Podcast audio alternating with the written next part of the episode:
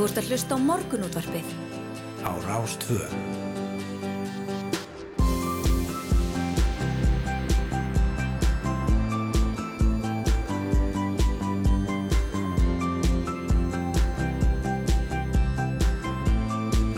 Morgunútvarpið Á Rástvö.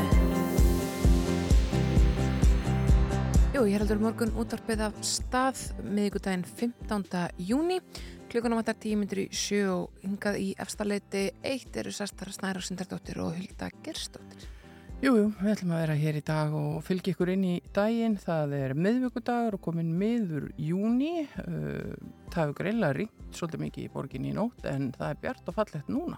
Algjörlega glampandi sól þar ég fór út í morgun sólklæður veður Já. en svo skýja bakkar við sjóndaldarhingin Já, við förum nú betur yfir veðrið á eftir en, en uh, það má svona reikna með því að það verði eitthvað, eitthvað blöytt hérna á okkar slóðum en ég man ekki betur en að ég hef séð í veðurfréttunum í gerkvöldi að það að fara alveg upp í átjánstig fyrir austan. mm, Þetta er byrjað, þetta er Ja, byrjað. algjörlega, þetta byrjaði og það er búið að vera dásamt veður fyrir austan sko mikið til Já, og Að- það, við fengum líka marga góða daga hérna, sérstaklega í mæ. nákvæmlega, þetta er pínlítið búið að vera svo fótballaleikur þar sem maður veit ekki alveg hvora meginn það fellur og svo einhvern veginn tekur austurland þetta, er það ekki alltaf þannig sem það endar?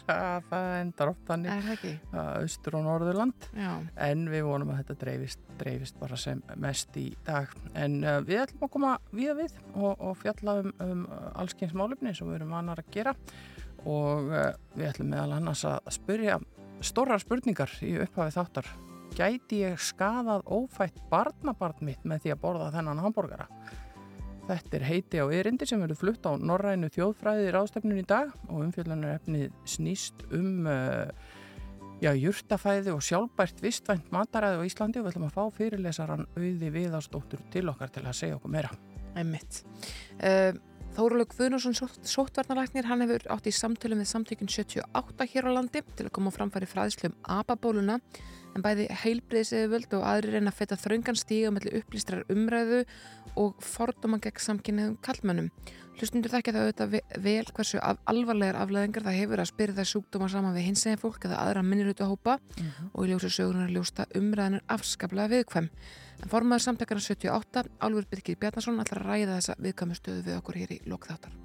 Já, svo er það sjósundið sem að nýtur vaksandi vinsalda en það eru samt fáir sem að leggjast til sunds á haf út og synda langa leiðir.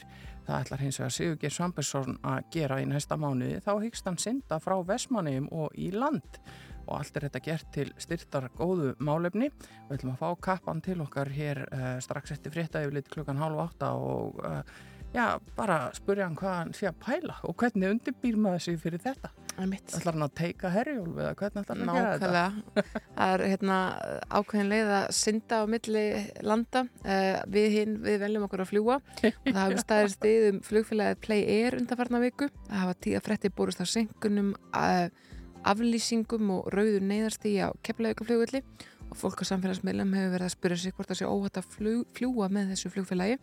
En Forstjóri Play, Birgir Jónsson, hann verður gestur okkur um korti verið átt að þetta. Já, spyrjum hann út í þetta og svo er það uh, alþingi sem að, uh, er að fara í sumafrí. Já, því verður frestað í dag en óhætt að segja að þingminn hafi þurft að hafa fyrir þinglökum eins og jafnan er á þessum ástíma.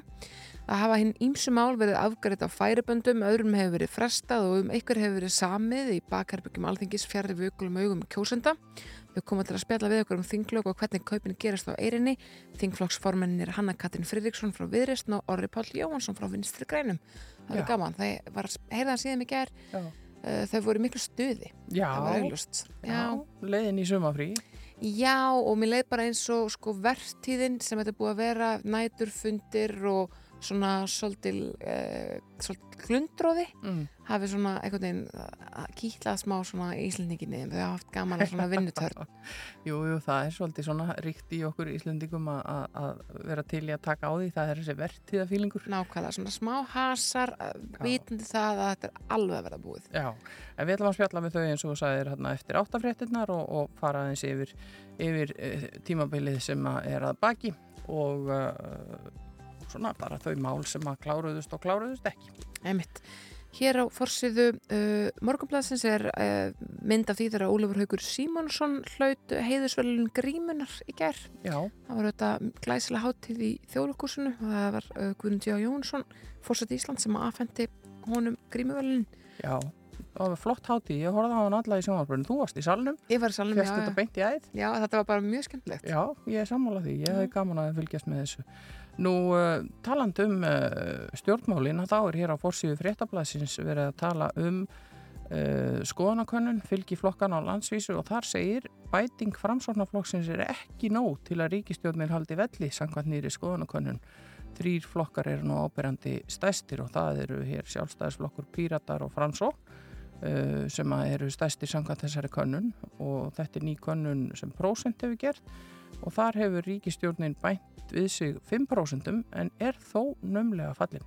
Já, Mestu munar um fylgisaukningu framsvonarflóksins. emmitt, sem að bæta við sig hvað síðan síðustu könnun eða síðan frá kostningum. Já, það er, uh, ég þarf að lesa, ég þarf að vera rosa fljóta að lesa til að finna það. Það segir hérna, byttunum við, dyttir, dyttir, framsókn með eh, 17,5%, 17,3% sem er bæting um 4,9% frá síðustu könnun já. sem var 27. apríl. Emmitt, já, emmitt, forðanlegt. Forðanlegt, uh, hér á uh, forsíðu morgunblæsins er tala við móður uh, Sigrúnu Sigurðardóttur sem að, var hvað eftir annað eigin sögn uh, virta vettu í þannig þurfti að fara með dóttur sinna þrísvar á tíu dögum á bráðum og dögur landsbytalans til að fá loks grunn sinn staðfestar um að dótturinn sem er nýböku móðir væri með heila hemnibólgu. Hún segir það er náttúrulega enginn sem kemur að sinninni og mér finnst hún vera að deyja í höndunum á mér, hún er svo mikið veik.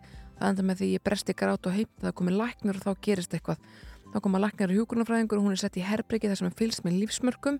Ef hún hefði verið einarna þá hefði ekkert verið gert ég sagði hvert einasta skipti þarna er áfram vitnaði þessar móður uh, segir hún Sigurðardóttur. Ég sagði hvert einasta skipti að ég held að þetta verið heilihefnibólka því önnur dóttir mín var næstum dáin sexar og heilihefnibólku þannig ég þekki einkennin. En hún fekk hjálpa endan með þessi uh, sérst, nýbakaða móður dóttir Já. þessara konu. Já, þetta er það svakalegt. Þetta er uh, grafa alvarlegt mál. algjörlega. Og á fórsíðu fréttablasins er auk uh, frétta af, af stjórnmálunum er hérna verið að fjalla um að orkuskiptin muni gjörbylta innanlandsflugi og fórstjóra Íslandir segir félagi stefna á að taka uh, raf og vettnistripnar flugvilar í nótkun hér á landi fyrir loka árs 2030 og vélar sem byggja á nýri tækni muni hafa mikil áhrif á innanlandsflugið. Þetta er annar flötur á nýtingu hreitnar orku í flugi en augljós umhverju þáttur. Ef við færum innanlandsflugið á reyna orku sem framleitir innanlands þá mun það lækka kostnað og það kemur okkar viðskiptavinum til góða, lækkar verð og eigur tíðni ferða, segi bói Nils Bóasson fórstjóra Íslandir hér og svo er ítalera viðtalinn í blæðinu. Já, hugsaði hvað það mun hafa mikil áhrif þegar að það verður að fljúa með ramarsfélum í svona tíð eins og núna þegar að bensínið bara hækkar og hækkar og hækkar og hækkar. Já, ég, ég skipti yfir í svona hybrid bíl í vetur og ég hef aldrei verið eins glöð að gera það eins og núna Já, og geta keirt á ramagninu svona flesta daga. algjörlega, ég er á eins bíl það bara munur öllu um þetta Já. og ég bara græt hvern einasta bensinlítar sem ég þarf að nota sko. Já, sem að neyðist til að nota. Já, þetta er, þetta er ekki einfalt mál og, og tekur í budduna hjá fólki, það er alveg óhætt að segja. En uh, hérna hjá okkur uh, eru fréttir næsta dagskrá, við ætlum að, að fara að skipta yfir á fréttastofuna og uh, fá fréttir á slæðinu klukkan sjö og að þeim loknum uh, komum við aftur inn í morgunútarpið og höldum áfram með fjölbreytta dagskrá í dag. Þú ert að hlusta á morgunútvarpið. á Rástvö.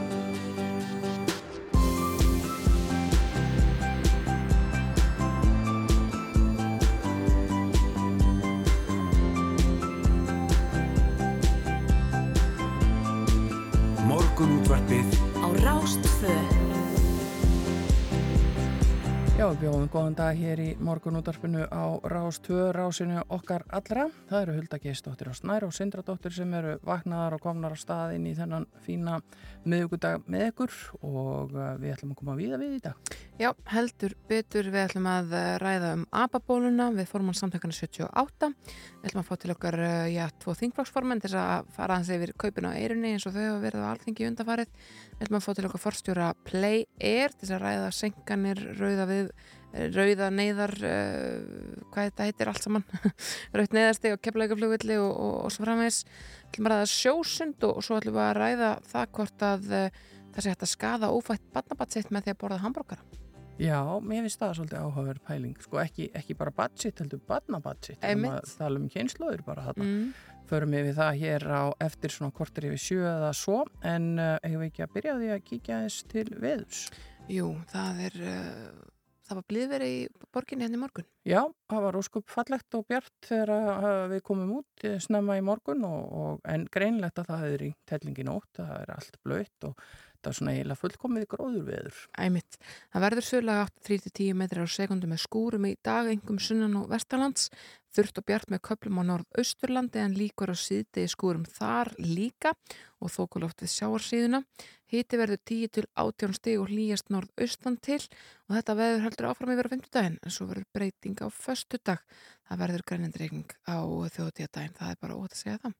Oh, hversu típist er það? Einmitt, en sko þegar ég skoða hérna kortið, það talaði um einhverja skúrir hérna eh, eins og í höfuborginu og svona, Mm. þær eru svona koma kannski inn setni partin, það verður rosalega mildt veður og, og létt skíjað víðast hvar um landið, þannig að mæli með að fólk kíkja á kortið, það er hérna miklu jákæðara heldur en, textin. já, heldur en textin. En svo er líka bara alltaf gaman að fara í, í fallega rekkabu og, og, og vippu upp reglíf ef það er ekkit rók, þá er ekkit mál að vera bara með reglíf og, og, njóta þessum í bóðir á, á þjóðtíðadaginn um all land. Algjörlega, já, já, það, það má gera það, það er rétt. Það eru hérna ímsar ábendingar inn á vegagerðarinnar um framkvæmdir og meðal annars er mynd á það að kvalfjöragöngin verða lokuð í nótt, uh, þau loka hlulan tíu í kvöld og uh, þá fara að þrýfa, það eru alþrýfi í göngunum og síðan er ímsar framkvæmdir í gangi hér á höfuborgarsvæðinu er verið að vinna við sæbraut á Reykjanesbrautina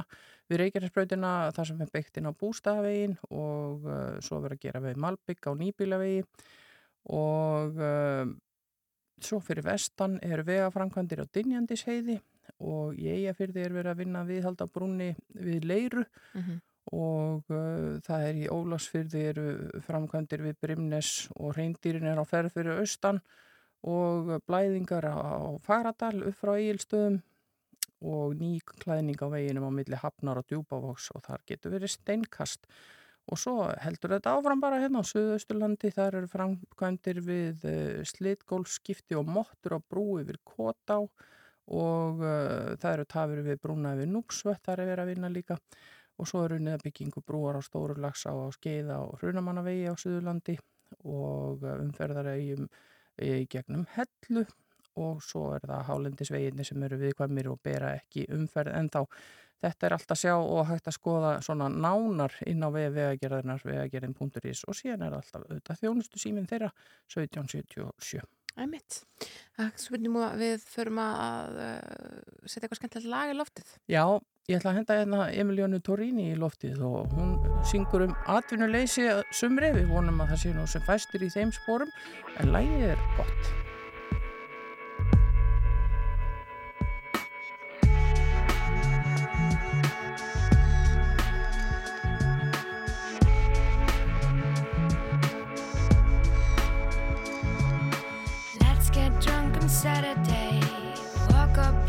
till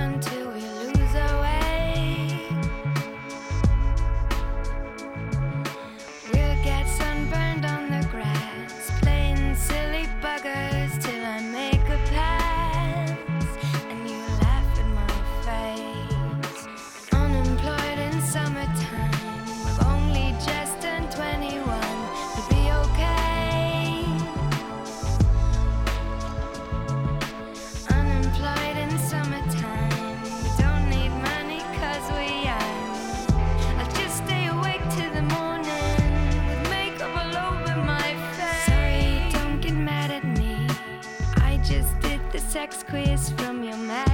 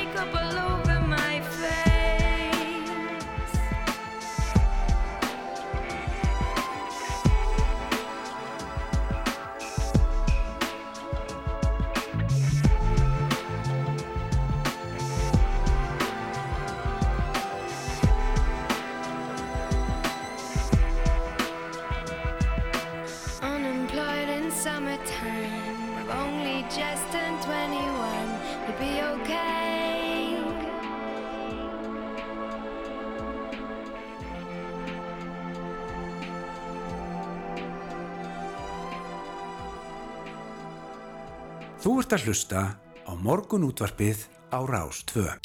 Hulda, það var uh, mjög fallegt augnablík á grímu verðlunum í ger uh, þegar að Margret Guðmusóttur leikona hlaut verðlun fyrir uh, leiki aukalutverki. Mm -hmm.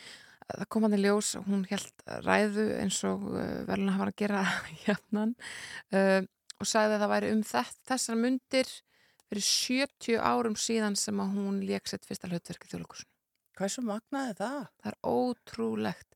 Hún var einu að tvítu en hún steg á svið í uh, litla klás og stóra klási á stóra svið þjóðleikusins um, og uh, já, hefur verið að leika að síðan er hún að vera. Já, það var mjög gaman að hlusta á ræðunennar og, og, og uh, það sem hún hafði fram að færa og, og uh, það, er alltaf að tala um að fagna fjölbreytileganum og það er ekki síst kannski mikilvægt að fagna fjölbreytileganum þegar kemur að aldri. Algjörlega. Uh, við, við, það, fólk á öllum aldri er að gera frábæra hluti og, og uh, hún var meiri átt af flott hana.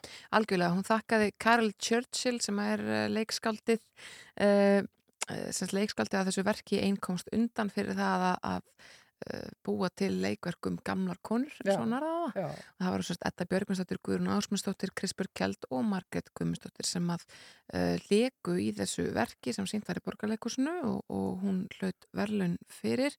Þetta var sko, held alveg bara margt tilnæmt þetta verk í gær, og, já já, það voru fleiri en einu og fleiri en tvær tilnæmningar já, um, og þetta er sérst verk sem er skrifað fyrir fjóra leikonur og það er algjört skilir að þessi komnar yfir sjötugt uh, og, og ég get nú bara sagt þér að hún Margrét Guðmundsdóttir er komin vel yfir sjötugt því að hún uh, varð áttræð 22. november árið 2013 þannig að hún er að verða 89 ára gömul uh, eftir örfa á mánuði já, þetta er frábært. Það var virkilega, virkilega gaman að sjá hana þarna á, á grímuvelun og svo ég er uglinn og öllu saman grímuvelunum í gær. Og og fyrir þau ykkar sem mistu af þessu, þá eru þetta hægt að lesa um þetta allt saman inn á rú.is, þar eru nokkra fréttir frá grímuvelunum og, og svo eru þetta að horfa á þetta í, í spilaranum og, og á vodinu. algjörlega Að þið mistu af þessari e, skemmtilegu velunhátti í gær. best að fara bara inn á menningavef rúf til þess að sjá allar, allar fréttinar um, um grímuna Beint bara á kaf í menninguna. Menning.is bara Það er einfaldast. einmitt. Við ætlum að heyra eins og eitt lag áður en að við höldum áfram hér í morgunúttarpinu. Þetta er hann uh, Michael Kivanuga sem að heimsótt okkur nú hér um árið og helt uh, frábæra tónleika í Gamla Bíó og Airwaves en uh, syngur hér Cold Little Heart.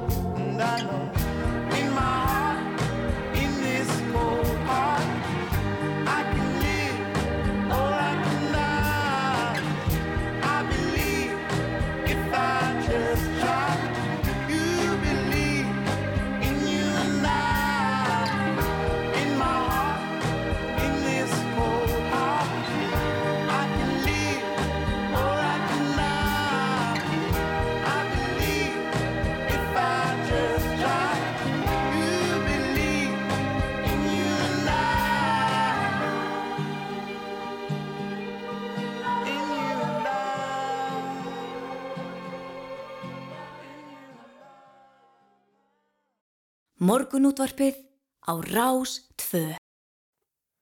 Jú, jú, við settum hérna fram ansi stóra spurningu áðan þegar við vorum að kynna efni þáttarins og uh, já, spurðum bara út, beint út, gæti ég skadað ófætt barnabarn mitt með því að borða þennan hambúrgara?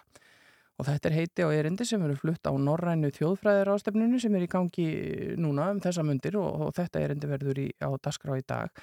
Og umfyllunar efnið undir þessari stóri spurningu snýst um jurtafæði og sjálfbært vistvænt mataræði á Íslandi og við hefum fengið fyrirlesaran sjálfan til okkar hana auði viðastóttur. Velkomin. Takk fyrir. Þetta er eh, s- stór og mikil spurning og svona potar allavega í svona kjötæti eins og mig. Hva- Hvað Já. er þetta að skoða þarna? Heldur betur. Ég hérna gerir mig grein fyrir því en það valdi hennan titil svona haldt í kóri til að trekja fólk á minn Eh, Vel gert. en vissulega er þetta eitthvað sem allir ættu að- velta fyrir sér. Mm. En í fyrirlestunum núna eftir bara klukka nýju er mín málstofa. Þá er ég að skoða eh, þetta eins og frá þessum framtíðarvingli af því það er svolítið áberandi hvernig fólk sem er hægt að borða kjöt um, svona uh, er að sjá fyrir sér framtíðina og notar það svolítið svona sem svona drivkraft í sínu sem sagt, að með því að borða ekki kjöt þá er það að leggja til leggja sitt að mörgum fyrir betri framtíð fyrir Mhm. börn okkar og barnabörn Og heiminn kannski. og heiminn. Mm. Já. Og er það þannig? Er, er við sem að erum ennþá að borða kjöt bara, þurfum við bara að vera með þetta á samviskunni að við sem að gera slæma hluti? Það er náttúrulega, staðan er þannig að við þurfum bara að hafa allt á samviskunni þó að kannski ekki á okkur sé beint okkur sjálfum að kenna sem einstaklingum Mm. Og þetta er mjög, ég meina ég þjáist mikið af loftslags kvíða aðeins minna eftir að ég neytti mig til að kafa honi þetta í tengslu við þetta verkefni Mm.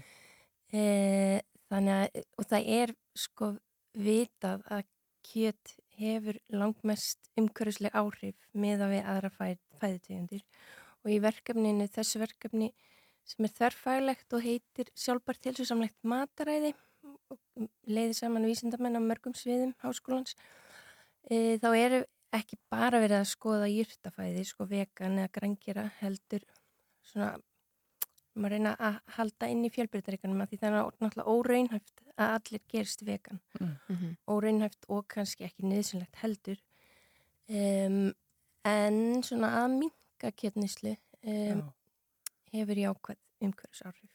Þannig að, að, að það, þú segir eins og kannski bara fara úr því að borða kjöt svona flesta daga vikunar, eh, kannski yfir í bara eins og tvisar í viku. einmitt, það er svona það sem vísindamenn uh, hafa fundið út að þú veist eða það er talað um svona flexitarian fæði til dæmis sem er búið að þýða sem vistkera fæði og þar er einmitt kjöt kannski einu sinni viku og líka bara minka magna af kjöti á diskinum þannig að kjöt verður kannski meira eins og meðlæti að breyta aðeins þessari samsetningu sem við ólumst upp við kjöt kartöflur sósa. En þarna þá verið að horfa á kjöt sem sko svona umhverfisvá miklu frekar heldur en heilsufarslega þannig að þegar Já. að hulda fær sér hambúrgar þá þarf hann ekki að hafa ágjöra batnabönnunum Nei, akkurat. út frá Þetta er- heilsu þeirra. Þetta er aðeins svona e, lengra fram í tíman. Já.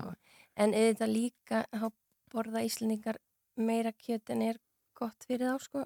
Þannig að þetta, er sko, verið að skoða bæði í þessu verkefni. Mhm. Heilsufar okkar sem fólks og heilsufar jarðarinnar. Setja þetta saman og reyna að finna e, eða sagt, e, já, rannsaka og bara búa til gögn sem er hægt að nota til að finna út hér á landi hvað er heilsusamlegt sjálfbært mataræði og Mm. hvernig getum við borðað meira af því. Já, en nú búum við á eigu norður í hafi og hér er kannski ekki alveg hægt að rækta allt og framleiða nægt uh, fæði úr þessum flokkum sem að, að þú er kannski að vísa til. Er, er, er þetta raunhæft að gera þetta á Íslandi? Það er það, uh, þetta erum við háð náttúrulega restin af heiminum eins og þú segir og hérna, fyrir yðnvæðingu þá borðið Íslendingar 90% dýraafurðir af því það var bara það sem var Í bóði. í bóði þá. Mhm. 90% það já. er útrúlega magn. Já, það var þarna, þú veist, fram að kannski átjóndi, byrjun nítjóndöld. Um, hérna, en þau sem ég tala við, sem eru, núna er ég mest búin að tala við grengjara, þeim finnst þetta ekkert mál. Hér á landi það tala svo margir um að mar mikið hafi breyst fyrir svona 5-6 árum kringum 2016 var einhver sprenging og núna segja allir að ekkert mál að vera vegan á Íslandi Mm. miða við marga aðra staði í heiminum Mm. En það þarf þetta eins og segir getum við ekki rækta allt hér en við getum rækta mjög margt hér Já. En mér finnst mjög mikið af þessum veganvörum sem eru orðnar ábyrjandi í veslunum, það eru innfluttar. Já. Þar hlýtur að, að vera kólumnismól.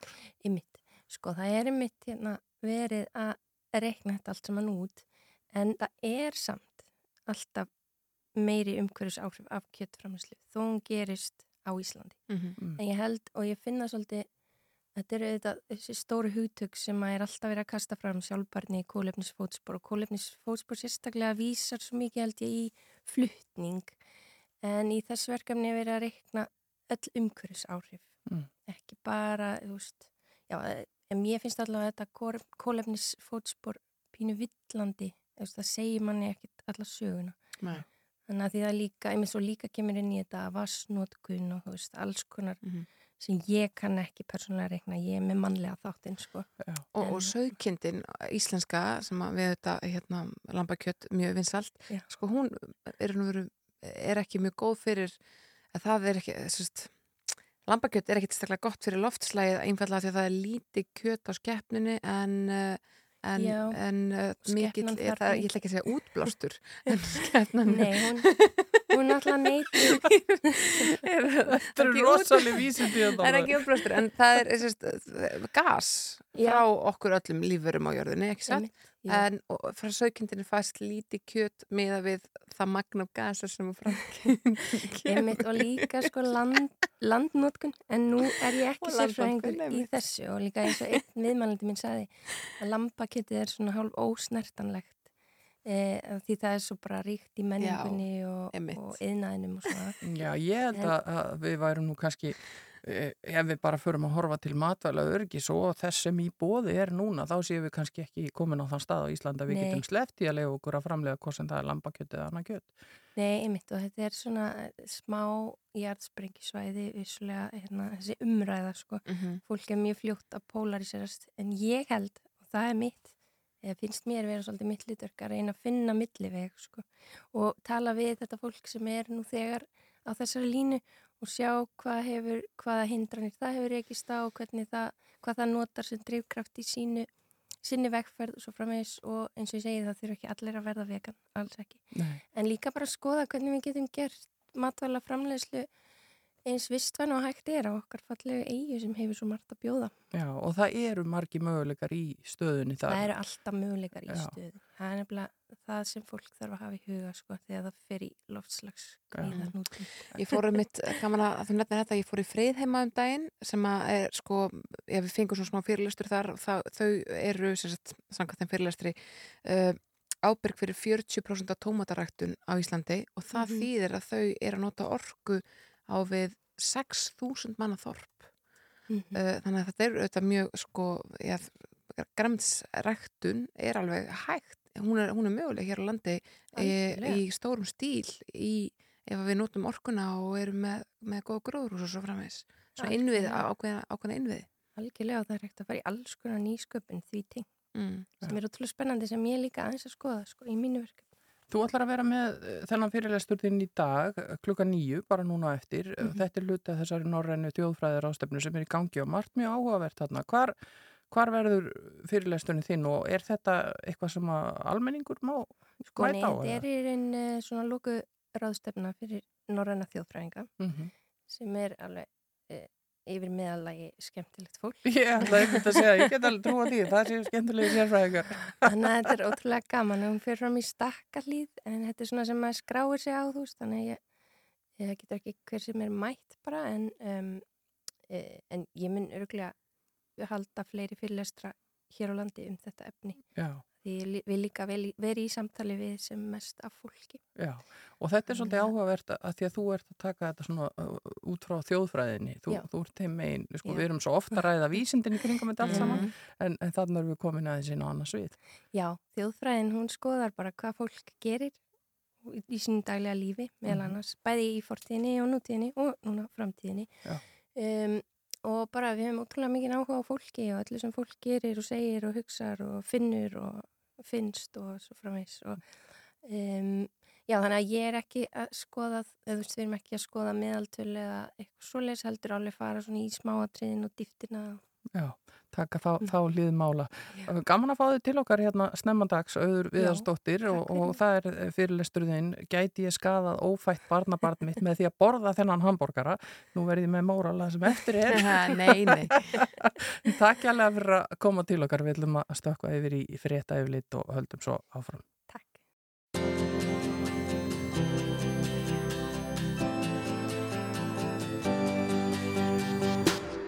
Þú ert að hlusta á morgunútvarpið á Rástvö. Jú, jú, við höldum áfram hér í morgunúndarpinu Hulda og Snærós með ykkur í dag og uh, við ætlum hér næst að tala aðeins um sjósund en þó ekki í þessum hefbundna skilningi sem að fólk stundar svona sér til heilsubótar og um, já, það er nú fáir sem að hreinlega leggjast í sunds á haf út og synda langar leiðir, það eru margi sem eru svona að fara aðeins í sjóin og, og synda smá en e, Sigurger Svambersson ætlar hins vegar í næsta mánuði að synda frá Versmannium og í land. Og allt er þetta gert til styrtar góðu málefni. Og við erum komin með kappan til okkar, velkomin. Takk fyrir. Uh, sko, ég talaði við þið í fyrra, Mm þá tókstu upp á því að synda yfir Kollafjörð. Já. Og, og gerði það til styrtar góðu málefni og þú fóst það á þrjóskunni ef ég man rétt eh, í, í einhverju viðtalinu við þið eftir, eftir sundi. Hvernig gekk það? Það, það gekk vel, þetta kláraðist, en með alls konar vesenni. Það bilaði bátur hjá okkur og ég var syndandi einn og halvan tími kringum bátinn að býða eftir nýjum bát og Já.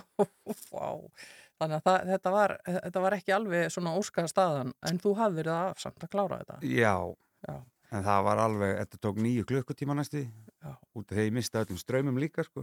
já, Þannig já, ég fekk já. allt í bringun á mér á leiðinni þessi setni helmingin. En þegar þú fóst í þetta á sínum tíma, uh, þú varst ekki með svakalega bakgrunn sem sjósundmaður, Ekki neinn, bara það var engan. sundbakrun. Hvernig þetta er hug? Það Hvað er hvað ástæð. aðeins bara þetta? Er galið Það, Engan sundbakurinn eða þú veist bara svona skólasund og eitthvað, Já, eitthvað svona barnasund. Já, Það er ástæðan. Sko. já, Ég hef mikinn áhuga á því að, að, að setja mig í, í aðstæðar sem að eru bara mjög krefjandi Já. og mér er svo áhugavert að sjá hvað hausinn gerir. Sko. mm Hvert hausinn fer þegar maður er komin út í eitthvað sem er eiginlega bara ómögulegt. Sko. já. Og þú, ég man þegar við vorum að tala saman um, um þetta sundit þá yfir kollafjörðina, uh, þú hafði verið í, í eitthvað skona bardaíþróttum eða ekki? Já, og, og, svona, svona búin að vinna svolítið mitt með svona þetta hugafar og hvernig Mhm. þú getur, já hvernig já, bara hugurinn getur stýrt þér í erfiðum verkefnum. já, það er, ég er sérst þjálfari hjá félagi sem heitir Iceland Combat Arts og ég átti að vera að fara út og keppa heimsmeistaramóti og COVID náttúrulega skemmti það og svo var alltaf verið að tegja þetta einhvern veginn og maður fekk engin svör þannig að ég þurfti að finna eitthvað annað bara Mm. og þetta var það erfitt og náði svona eiginlega næstu því að buga mig þannig þá verð ég alltaf að fara örlítið lengra og pröfa að, eitthvað aðeins erfiðara og. Og þú, þú syndir yfir kollafjörð þá. Hvað er það mikil vegalind? það er aðeins stittra heldur en þetta Mm, en bara einhverjum metrum þannig sé sko já, þetta er svipu vegalind. En kannski, maður gæti ímynda sér að það væri meiri ströymar og erfiðar að synda frá, frá heimægi og upp á landiðasand heldur en yfir kollafjörð. Eða, já, mun, mun erfiðara þetta er náttúrulega opið haf mm, þannig að maður veit í rauninni ekkert ég veit ekkert hvað er að fara út í sko nei. þannig séð En ertu búin að vera að þig á milli Kollafjörðarsundsins og, og Vestmannaðarsundsins? Ertu, ertu núna komið með sko svona, já, einhverja kilómetra undir beltið? náttúrulega í fyrra það var svakalega æfing Emmett? og mikil reynsla og þetta er mun skipulaðara núna heldur en í fyrra. Mm. ég ætla að hafa margt í huga sem ég var ekki með í huga í fyrra. Eins og hvað? til dæmis að hafa kajak líka með mér sem að gefa mér að geta Já. ég ætla að hafa betri bátaráðstafanir ekki bara einn bát til þess að treysta á. Mm ég ætla að æfa matargjöfuna betur og það er fyrra þá uh, gerði ég það ekki og þetta endaði með því að ég var ælandi í senustu þrjá tímana eiginlega æluslóðu eftir mig bara alla leið yfir og já, ég ætla líka að pæla meir í straumunum ég ætla ekki að fá þetta í bringuna aftur Nei. En þú ert að leggja þetta á því til styrtar góðum málefni. Hvað ætlar að, að- styrkja núna? við ætlum að, að styrkja hérna börn á átakasvæðum hjá barnahellum Mm. sem er bara mjög nöðsynlegt sko. Já. Mhm. Þú styrti börn líka síðast. Já. Þetta stendur þið næri. Já, hún gerir það. Það er eitthvað bara varnarleysið og Já. Þú, þú svona ert til í að gefa að þér fyrir, fyrir uh, góð málefni. Uh, þetta verður þá væntalega eitthvað skona áheitasund eða hvernig getur fólk tekið þátt í þessu með þér? já, þetta er áhættasund og við erum með Facebook síðu sem heitir Sint frá Vestmanneum og þar erum við bara með hlekk Já. Sem að leiðir mann bara beint á áhættasöfnununa sko. Og, og ertu búin að fara, e, þú veist, ertu búin að fara eitthvað til eiga og, og prófa að henda þér í sjóin þar eða, eða svona, sko ég veit að þú fer langt á, á þrjóskunni og, og hausnum en, en allar bara stinga þetta í sunds og bara og gera þetta óundi búið eða, Já, við ætluðum sko, ég er hérna eiginlega til þess að æfa. Mm, út af því að heima hjá mér fyrir austan er sjórin bara fjóra gráður, Mhm. mjög erfitt að syndi honum. Og við ætluðum að reyna að komast þarna yfir sko, já, bara til að skoða aðstæður en ég veit ekki alveg hvort því. Eða þú ert ekki návænt í viðtöl og svona. Missir að herjól og meðan en, en já, þú nefnilega býrðu austur á landi. Já. og, og þar eru aðstæður allt aðrar. Já, bara alltaf rúsi sko. Og planið var í fyrra mér þess að synda þar. Frá reyðafyrir til Eskifjara Já, en hvað var það eftir sem stoppaði það? Það, Eitthvað marglittur? eða? já, fylltist allt bara allt það var ég ætlaði að þrjóskast sko Já, en svo fór ég þarna í æfingarsund þarna fyrir austan og kom upp úr allir bara skað brendur allir röndóttur sko Já, þá ákvaðum við að þetta væri kannski ekki eitthvað sérlega sniðugt sko. nei, Emmett, jafnvel ekki fyrir þrjóskubúka. nei, nei. þetta er Það tók meir á leiðilegar, heldur en að þurfa að, að synda ringin í kringum bátin í einna hálfan tíma að býða til nýjum. ég sé að lendi ég reyndar í marglittu árás þarna Já, hvort sem er sko Þannig, en sjórin líka mun kaldari ég veit ekki hvort ég hefði getað verið þarna svona lengi já. Hvað er sjórin kaldur til dæmis eh, þegar þú syndir þarna frá Vestmanniðum og í land? ég reikna með að verði svona einhverstar milli 11 og, og kannski 14 15 mest Já. Mhm. Og þú ert að stefna á að gera þetta í lók næsta mánaðar, í lók júli, þú ert Mhm. svona undirbúið þig núna, en, en ekki búin að dagsetja þetta nákvæmlega vegna þess að það er alls konar þættir sem telja þar inn í. já, það, við viljum helst ekki hafa meira heldur en 4 metrar á sekundi í, í vindstyrk bara upp á undir öldu og öldu gangi yfir höfuð Mhm. og þá gæti þetta bara verið orðið hættulegt sko. Já. Skipti máli hvenar tíma dags eða sólarings eh, er lagt í hann í svona? Það er mælt með að reyna að fara mjög snemma, jafnvel bara nóttu til sko. Mm. það veriðist vera meiri ró Emmett. á þeim tímum sko. Já. Áran hákólan kemur inn með svona regluböndum hætti. þú óttast ekki að mæta bara sjódýrum? það er bara að hitta hvali og ég- ég- höfrunga og ég menna það er ímislega í gangi í kringu Vestmanniðar sko, það er bara vika síðan ég fór að pæla í þessu og, og hérna fór eitthvað að hugsa hvar eru háhyrninganir eiginlega uh -huh. og fór að googlaði það Já. og það er allt morandi í þeim ég veit það, það Og- er nú bara þannig ég stressaðist aðeins við það, ég veit það sko. Þannig ég fór að að- sko ég ætti örgulega að vera komið doktorskráði í háhyrningum núna út af því að ég las allt um það bara til þess að vita hvað ég var að fara út í Já. en það er eitthvað sem ég þarf ekki að óttast Nei. út af því að það, þeir vilja okkur ekkert. Þegar þeir koma og kíkja okkur þá er það yfirleitt forvinni eða þá halda við sem selur en það er bara svo mikið að hnýsum og fisk og dótið þannig að þannig að þú verður ekkert spennandi Nei, ég held ekki, sko. Þess að ég sagði við, við hérna einn af félögum mínu sem er að hjálpa mér að æfa fyrir þetta. Mm. Þetta er svolítið eins og við farum á jólahlaðborð og, og varum jafnblanda á blómunum í, í vösunum þar. Já, minnst spennandi Já, bara meikar engan sens. Já. En, en hefur, ertu í ykkur samstarfi við heimamenn í eigum sem að þekkja náttúrulega best til hann í kring? Já, ég er búin að tala við nokkra aðeila þar Mm. og allir mjög spenntir fyrir þessu Já. og hérna eru, vilja allt fyrir mig gera til þess að hjálpa mér. En er ykkur dæmi um fólk sem hefur gert þetta, synda frá Vestmanniðum og í land? Já, ég veit af fimm sem það hefur tekist. Já. Ég veit ekki hvað sem margir hafa reynd samt. Nei, sem hárætningarnir tóku þá. Já, já. Nei, bara grín. Nei, við... Það er ekki eitt skráð dæmi um, Nei, Nei, nei. um, um háhyrninga árás. nei, nei, nei, nei, nei. Það er Við, enda, enda eins og þú segir, þú verður þarna með bát og, og, og, og ímsar öryggis ráðstafanir, þetta er ekki gert í ykkur tómri vitleysu.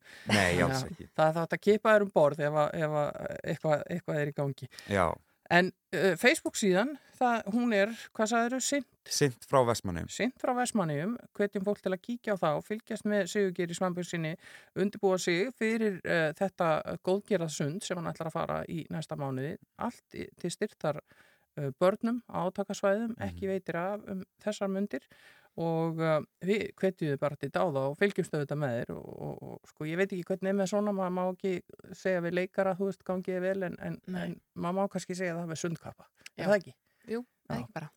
Af seinast þá bilaði báturinn allavega. Tótt- Við sem tóttói. já, við bara segjum hérna, böngum bara í borðið og, Mhm. og, og hérna og, og fylgjumst uh, spenntar með þetta er, þetta er allavega hérna, áhugavert og, og metnaðafullt verkefni hjá þér og vonandi texta eins og síðast Takk hérlega fyrir að kíkja á okkur í morgunundarpinu Takk fyrir.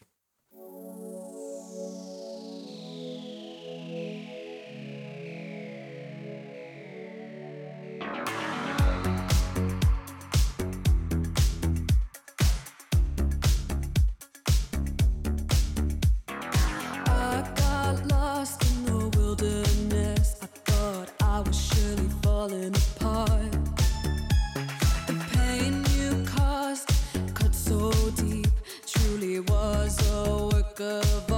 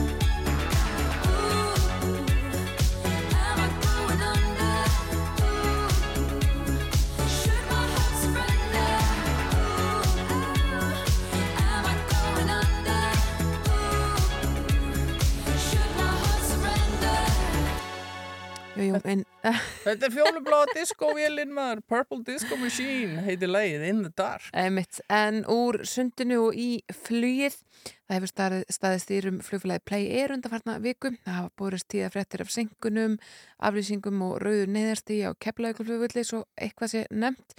Fólk á samfélagsmiðlum hefur aðeins verið að spyrja sig hvort það sé óhætt að fljúga með flugfélaginu. Hann er komin inga til okkar Birgir Jónsson forstjóri Play Air, verður velkomin Góðan daginn. Það hefur verið smá vesen á okkur uh, undanfarið, við byrjum kannski á þessu rauða neyðarstí á keflaugulflugvöldi hvað var í gangi þá? Já, um, það er sérst flugvel í aðflugi uh, sem að fær meldingu uh, um, um að það gæti verið eitthvað að elsneitiskerfi vélarinnar. Um, reyndar uh, vissi nú flugstjórin að, að það væri nú allir líkindum villmelding eða sem sagt hérna, fölsk skilabóð því að hann vissi nú svo sem koma með elsneitin borði í vélinni en það breyti því ekki að það auðvitað fara verkvallega í gang og það er ekki teltanir á tísinu þannig að Þannig að hérna, það bara fyrir ákveðin svona prósess í gang og það er hérna auðvitað kalla út uh, viðbúna steg á keflækuflugvelli og, Mhm. og hérna og vélinn lendir bara heil og höldnu og aldrei neinn hætt á ferðum en, en þetta var til þess að, að eins og gengur í svona þá er vélinn í raun og verið sett í skoðun bara til þess að ganga algjörlega skuggum að þetta sé ekki neitt um, sem mögulega gæti verið raunveruleg bylun. Þetta er glæni í flugvel, nokkar mánuða. Já. Þannig að, þannig að hérna, það auðvitað kannski kemur á þeim tíma þar sem að umsvegin okkar er að aukast gríðarlega mikið. Uh, við erum að fljúa núna með ég, fleiri þúsund farþeg á dag á milli bandarækjana og, og Evrópu og, og það auðvitað bara að, að missa út flugvel með svona stuttum fyrirvara reyðlar auðvitað bara planinu og, Mm. og hérna uh, en og þá þá auðvitað bara hefst einhver svona atbyrður ráðsæðinu að það verða tafir og, og hérna fólk sem átt að fara út um morgunin fer eftir middaginn og allt, allt, allt þetta en, en hérna en uh, já, það, það er bara svona í raun og veru það sem er að gerast Já, en svo var þessi aflýsing hérna með, með 20 mínúna fyrirvara sem sögðu þeir vera vegna veikinda í áhöfn.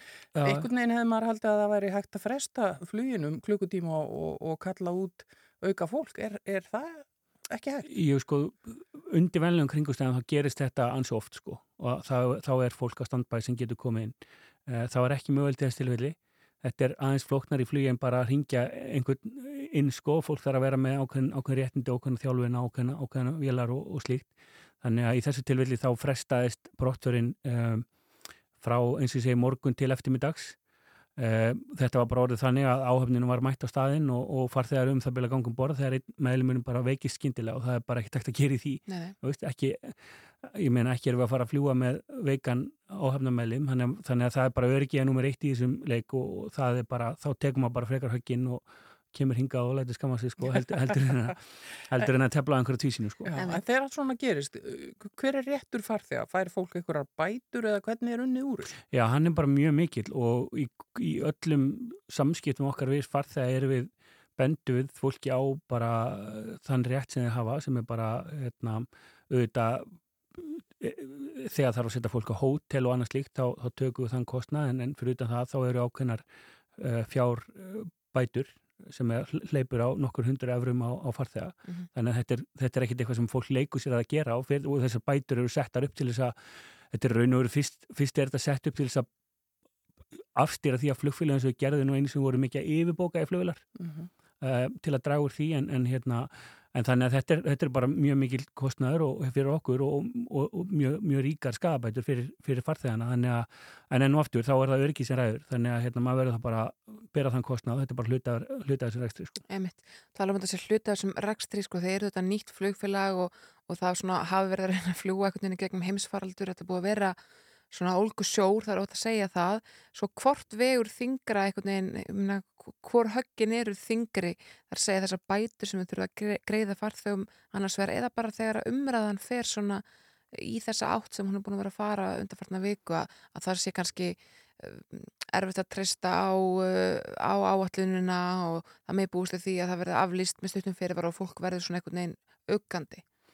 Sko, ég þarf aðeins að passa mig hvað ég segi núna því að sko, fyrir þá farþegar sem lenda í svona röskunum þá er þetta auðvitað mjög ó, hérna, segja, áreðanlegt allt saman.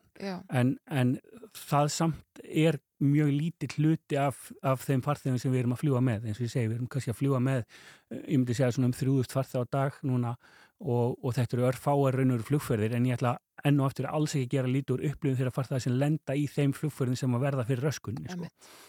um, það er bara samt staðarind og við, við gefum þær tölur út í hverju meinasta mánu að, að sagt, stundvísi okkar er svona um og yfir 90% en þegar hlutinni fari í skrúuna þá er það einhvern veginn þannig í fluginu þá fara þær í skrúuna í alvörinni sko. Mhm. og þá bara auðvitað situr fólk eftir og, og þá og, og auðvitað er það ekkit bara fréttir að play heldur bara öllum flugfélögum þá, þá er það alltaf það sama sem gerist. Fólk veit ekki hvað er að gerast, það fær ekki upplýsingar þetta er svona svolítið sömu fréttirna sem byrtast og það er oftast út af því að að það er verið að vinna að einhverjum tveimur eh, plani A, B og C sko og, og við erum kannski eins og við erum með sko 15 manns í, í þjónustu teimi það verður það til þess að það er einhverju hundru manns sem vilja allt í unni fá upplýsingar og sömu mínundinni, upplýsingarnir er ekki til að því það er verið að reyna að finna út lausnina þannig að, þannig að ég get alveg skilið einstaklinga sem sita og eru á leiðinni eitthvert og, og segja bara nú er allt í unni búið að fresta fluginu, aflýsa því eða eitthvað svona það bara fólk, einstaklinga vilja að fá svörin á mínundinni Já. en svörin er bara ekki til staðar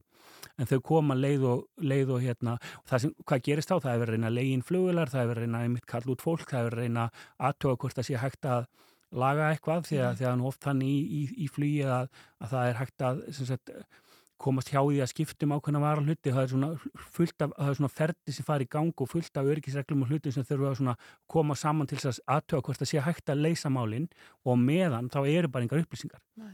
Og, og enn og eftir ger ég mér fulla grein fyrir því að það er alveg óþólandi fyrir fólk að veit ekki neitt Svona eftirvænt ekki gangi, fólk er spennt, kannski með börni sína já. leiðin í fyrsta fríi eftir COVID bara og allt þetta. alveg bara Miklar en, tilfinningar? en já, þannig, þannig og segja, ég ætla alls ekki að gera lítið úr því að, að, hérna, að upplifum fólks er eh, bara, ég ber, verðingu fyrir henni og, og bara, við byggjumst bara innilega afsökunar á, á þessu öllu saman sem hefur gerst, en, en það er samt svona þetta eru svona hluti sem er að koma upp sem við bara hreinlega ráðum ekki við og við sjáum svo sem bara hvað er að gerast líka í Evrópu sko, það þarf nú ekkit að, og ég er ekkit að afsaka okkur, ég er bara svona að benda á það sem er að gerast í fluginnan, British Airways, EasyJet það er að aflýsa sko þúsundu flugferð á dag núna í Evrópu, það er kaos það eru röð út, út á út á götu í öllum Amsterdam og þessum flugöllum skilu þannig að Þannig að það þýðir það til dæmis að þegar við þurfum að leia einn flugvél þá eru kannski ekki flugvélina bara til, það er bara júni, það er allir að rampa sig upp, það vantar fólk, þannig að þetta er alveg skelvilegu tími til þess að, ef maður talar íslensku, við retta hlutunum, sko. Mm.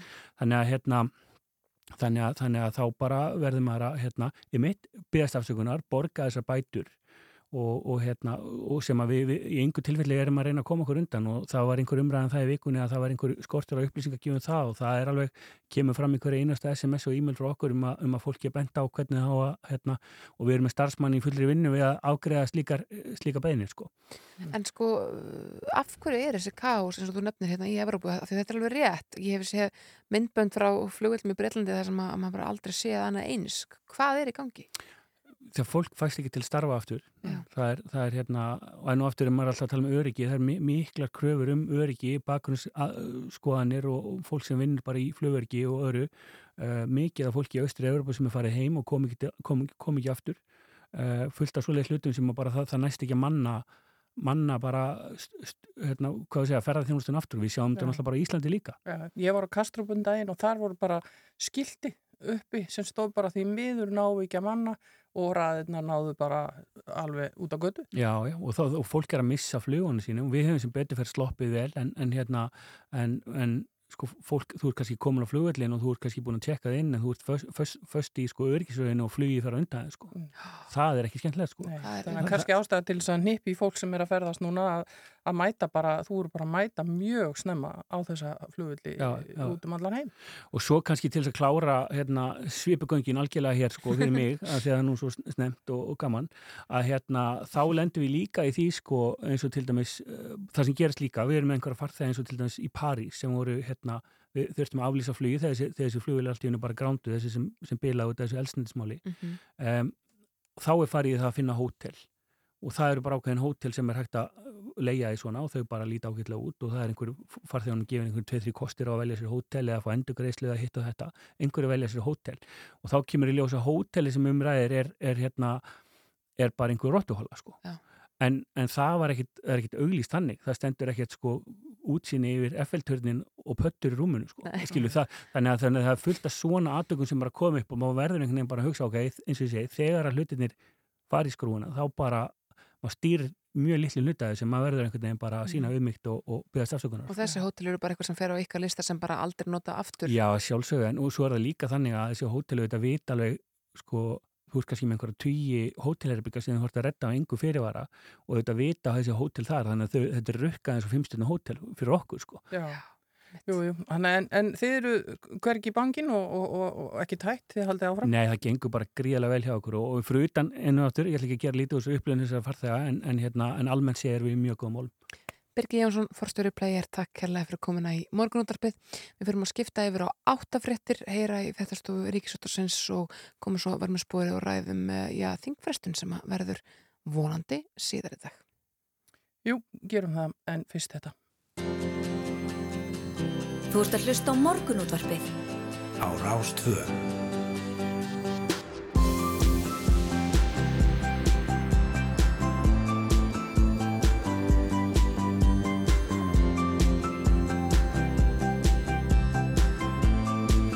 Morgunútvarpið Áfram höldum við í morgun útarpinu síðari hluti þáttar eins að hefjast og það eru Hulda Geistóttir og Snæra og Sindradóttir sem eru með ykkur í dag. Og við ætlum að vinda okkur beint í næstu gesti. Algjörlega, alþingi verður frestað fram yfir sumarlefi í dag, það er svona vonandi. Það er hótt að segja að þingmenn hafa þurft að hafa fyrir þingflokum eins og jafnan er að þessum árstíma. Það hafa einn ymsi mál verið afgerð á færiböndum og verða áfram í dag. Öðrum hefur verið frestað og um einhver hefur verið samið í bakherbergjum alþingis fjarrvökulum augum kjósenda. Við erum kominninga til að spjalla við okkur um þinglok og hvernig kaupin gerast á eirinni. Þingflokksformennin er Hanna Katrin Friðriksson frá Viðrist og Óri Pál Jónsson frá Vinstri Grænum verið hjartanlega velkomin. Takk. Takk fyrir. Það hefur um, Ísland gengið á, það hefur verið næturfundir og svo framvegis en þetta er kannski svona bara þingfrestun eins og við þekkjum hana best, er það ekki? Orri, er þetta ekki alltaf svolítið hasar í lokin? Ég nú spyrðu mann sem er nýra á alþingi Já. og er nýri hlutverki þinglósformars þannig að það er eftir, þetta er eins og ég þetta hefur hort við mér svona utanakomandi þá held ég, jú, þetta sé svona það er hins vegar mjög áhugavert að vera allir komin inn fyrir gyrðinguna ræða þetta en Hanna Katrín kann nú betur skila þessu hvort þetta sé samanbrur á milli ára hvort, hver munurinn sé og býð ég þá spenntur til að heyra það þetta er hasar. Já, þetta er hasar. Jú, sko, jú, í stóru línutnar eru svona á, á vorin, uh, jafnvel uh, uh, fyrir áramót líka, Mhm. uh, meiri fyrir á vorin. Um, þannig að að þetta er svona virðist vera allt, þetta er allt í skrúfunni á meðan verið er að semja. Uh, og svo þegar samninga nást, því það nást nú alltaf, um, þá leysist alveg eiginlega fáránlega hratt og einhver tilfellin kannski aðeins úr hratt úr málum að, að það fer eitthvað í gegn svona ánum ræði en, en það má kannski segja núna að eh, að það sé svolítið stór mál sem hafi lent í þessari skrúfu með öðrum smerri Mm um, og það er kannski ekki alveg algengt er ekki að segja þetta sé í fyrsta skipti langt frá því en það er kannski ekki alveg algengt að svo sé Það verður til dæmis kosið um ramma á allinu dag, Já, ég er nú kannski ekki síst með hann í huga Já, og sko hvernig heldur að það fari allt saman orri? Uh, þetta er, þetta er viðkvæmt mál fyrir ykkur í vafki. Já, já, það er það, uh, en þetta er líka, þetta líka skiptir máli. Þetta er mjög mikilvægt stjórntæki þegar kemur að uh, því sem varðar vernd og nýtingu landsvæða og þetta hefur, ég ætlum bara að lega mér að segja, setið fast í þinginu mjög lengi. Þetta er í fjóruða sinn sem að er verið að takast á við þetta Mhm. og það eru ákveðin tímamót að það sé þá búið að ná þannig árangri í þessu að, að á stefnir í og komin til að frá meirlutunum um, um frágangin að þessu, að þessu, að þessu leiti. En þetta eru skiptarskoðanir, þetta er líka bara mikið mál, þetta er náttúra Íslands undir, Já. en þetta er bara eitt af mörgum stjórntækjum sem við höfum til þess að vinna orku. Uh, Það eru mörg önnur púsl sem þurfa að falla saman, Uh, þannig að ég, ég lít svo á að þetta sé ásættanlega lending en við finnum það alveg og það var, var samstöðufundur með náttúrun í gæra á Austurvelli. Ég finn alveg að það eru afar skiptaskoðinu og það kemur bara ekkert óvart. Ég kemur úr þessum náttúruvendaranni, kemur bara ekkert óvart. Nei. Mm. Þeir eru líka náttúruvendaflokkur í viðrest, ekki satt? Jú, uh, við erum það uh, og ég sko, ég ætla að taka undir morra, það skiptir máli að þessi rammi sér kláraður. Ég held að þetta hafi jafnvel verið síðasti möguleikin okkar á því að, að, að sína við ætlum að nota þetta stjórntækja áfram sem Mhm. sagt. Um, en hins vegar, í ljósi þess hversu stórt málið er, þá finnst mér og, og ég er svona, ég er ekkert sérlega stolt fyrir hönd alþengis yfir því hvaða farveg við setjum þetta máli í. Að það eru misvísandi skilabúða frá ríkistjóðinni upphæðu hvort það breyta í eða ekki, hann er þá afgreðan en hvort það er breytið ekki. Það, það er svona eitthvað misvísandi skilabúða frá árunum.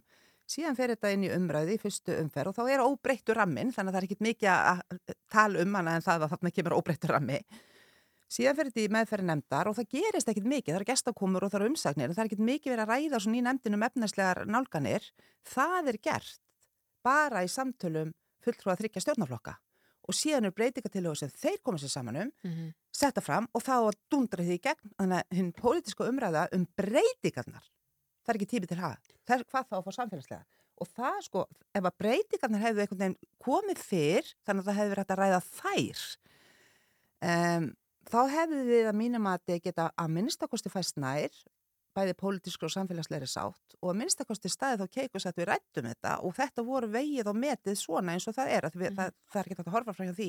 Við stöndum frammi fyrir uh, því, þeirri, því úrlösna máli þeirra áskorun að við ætlum okkur í orkuskipti, við þurfum að hafa orku til þess, þeir þurfum að búa um til, ef svo hvernig, eða ef hún taka orkusti þegar þetta og fórn einhver öðru. Þetta eru pólitísku umræðin sem okkur vantar. Mm.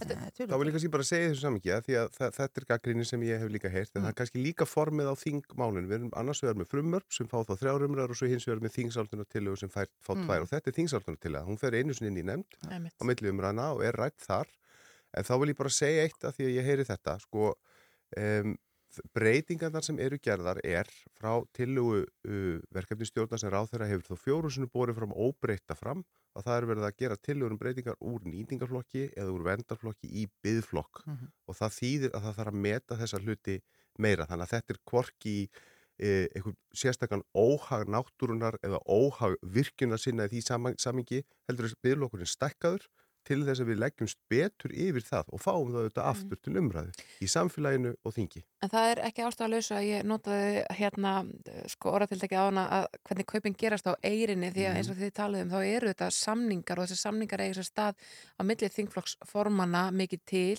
hvaða mál fari gegn og svo framvegs. Sko hvernig fara þessir fundir fram? Það er augljóslega bara nokkuð kert á milli fólks og það er allir vinir svona þegar ekki er staðið pontu. Hvernig, hvernig fara þessir fundir fram? Er þetta, hefðu okkur, við skulum hleypa þessu í gegn og þá leifið þið þessu að fá pláss? Eða Hvað er nákvæmlega að gerast inn á þessum fundum? Ég hugst við gætum selt miða á þessum fundi og bara afla tekna fyrir ríkisjóð. Þetta er mjög spennandi. Sko þetta, þetta er það, þetta er, en þetta er náttúrulega alveg rétt hjá þér. Þetta, er, þetta eru þessi fundir sem að svona, eh, myndavélarna ná ekki og, og, og fara fram í oft og tíðum miklu bróðirni en það Mhm. líka tekist hraustlega á en ég myndi nú halda það fram átta þingflósformen, það er ekki nú mikil virðing á, á milli þeirra já. og við náum að vera með mjög hérna, heiðarlega samtöl Um, en staðrendin er svo auðvitað að, að fyrir auðvitað reglulega fundi allra þingflósformana við fórsta alþingi sem eiga sérst alltaf meðan þingri í gangi þá hittust við mörgum sem á dag á þessum tímum en svo hittast líka þingflósformen stjórnaranstöðunar og svo þingflósformen stjórnarflokkana þar eiga sér fyrst stað einhver kaup og það er verið aðtókast að búast þér til samstöðu þar á milli áður við mæta sér inn á stórafundin Já. en svo er það ekkert launungamál heldur að svo eru smerri fundir sem ganga þvert á stjórn stjórnaranstöðu annars vegar að því að menn er að reyna að leysa einhverjan húta og þá eru kannski betri trúnaðasambönd eða einhvers konar sterkari pólitíska tengingar á milli einstaka þingflósformana eða flokka yfir þessa línu. Mm um, og alls konar slíkt eða bara einhverju sendur út á örkinni að því að stundu kastast ekki ekki og þá er einhver sem ber klæð á vopnin. Þetta er Já, alls já, konar, þetta þetta er- er, þetta er mjög skemmtilegt sko, það er í raun og veru Þetta er þetta er pólitíkin. pólitíkin, nákvæmlega, þetta er pólitíkin Og sko eitt sem ég held þú og jáfnvel fleiri sem hópið hafa bent á sem að er líka áhugavert. Við erum auðvitað stjórnar meiri hluti, framsótt sjálfstæðis og vinstri græn. Og, og við verkum hlutina þannig okkar á milli svo það uppljóstrist hér að við fundum þrjú saman. Já. En, en sko stjórnar anstæðan á þingi er sko kannski að einhverju leiti, eh, ég veit ekki hvað það rétt orðið er að segja sundurleitir en hún er ólíkari að það er eins og hann kann hann kannri segja, það er kannski ekki að ætlast til þess að þessir fimm aðilar komi sér saman um söm, sama uppliki og sömu strategíuna að því við erum þó með stjórnarsáttmála til grundvallar þar sem við erum þá að, að, að höldumst að eh, höldumst í hendur til þess að koma einhverju áfram Mm. og þetta finnum maður auðvitað stundum á þessum pundum og það er kannski ekki alveg sami gangurinn í því, en það er, segi ég núna, þegar við erum myndið þinglökin komin, kannski líka ósangjart að gera þá kröfu að þau mæti sko samstilt sem einn maður, meðan á sama tíma er kannski sjálfsagt að gera það til okkar hinna. Skiljið hvað við? En þú, þú miskildi mig samt, annars ég var alls ekki að tala um þetta. Var, við, við höfum verið mjög samstilt, fimm og, og hérna, getum alveg náða að stilla saman stringi. Það sem ég meinti er að, að hérna, þegar tveir af, af þremur stjórnarflokkum vilja stoppa stjórnarmál, að þá leitar þriðiflokkurinn hérna, eftir á, Dú, að, dú, að sjá dú. rannstöðu. Sko. Þannig að það er nú ekkit síður, en, en það er alveg rétt hjá þér að auðvitað í, í hérna, einstaka tilfellum komu upp og það eru, hérna, stjórnarnastuflokkarnir eru ólíkir vegna þess að stjórnarflokkarnir sem ákvaða vinnast saman eru ólíkir og þá, það, það situr það eftir, það er ekki til sem að heitir hérna hefðbundni línu, sko. Um, en hérna, en ég meinti sérst að þeir flo- flokkar mynd, mynd, þeir funda saman, stjórnarnastuflokkarnir uh, fimm hittast mörgur sem á dag ára áður sínum, stjórnarflokkarnir líka, en svo koma mál þar sem að, eins og ég segi, uh, það þarf að það hittast tveir úr stjórnarnastu og einn úr stjórnarflokki eitthvað slíkt og, og reyna að vinna einhver mál, sko. En eins og orðin nefnir þá er þetta stjórnar anstæðan svona kannski já, enn ólíkari heldur en uh, þessi þverpolítiska ríkistjórnir um, og þannig gerist núna að í þessum þingflokkum var að já, miðflokkurinn, tveggja manna þingflokkur uh, fór í málþóf Mm. hjælt uh, alþingi eh, hérna, í umræðu fram á nótt uh, af því að einhver liti glemdist að semja við á um hvað leigubíla frumvarp sigur og ringa eða hvað Nú máli myndistöðin sem því sem ég var að segja, þá ætti ég að segja núna, já þetta er náttúrulega bara ábyrð ykkar þarna allra fimm í stjórnaranstöðin að hafa leist þetta. Já, En það, er ekki alveg þannig. sangjant. Það var það sem ég var að reyna að draga upp þessa mynd á það. Þau eru náttúrulega ekki, þetta er ekki eitt, eitt strengur í því samhengi. Einmitt. Já, En- en gleymdist það er og ekki- gleymdist. Það er ekki bara sangjant að alveg hött og því að ég sem um eitt mál fyrir hönd viðristnar það kemur hinnum fjórum stjórnarnastu Það er þetta sem ég kannski reyna að benda á. En svo ég segi þetta, við sitjum saman átta áfundum og þá eru þetta afar mikilvægt að við séum átta áfundum Mm. og það hefur aðeins uh, brunnið við, ætli ég að segja þessu samingi, að annarkor þessar tvekja fulltrú hefur ekki komið til þessara funda. Þá er þetta mjög erfitt að leggja niður eitthvað samkomulega við á. Sko. Já.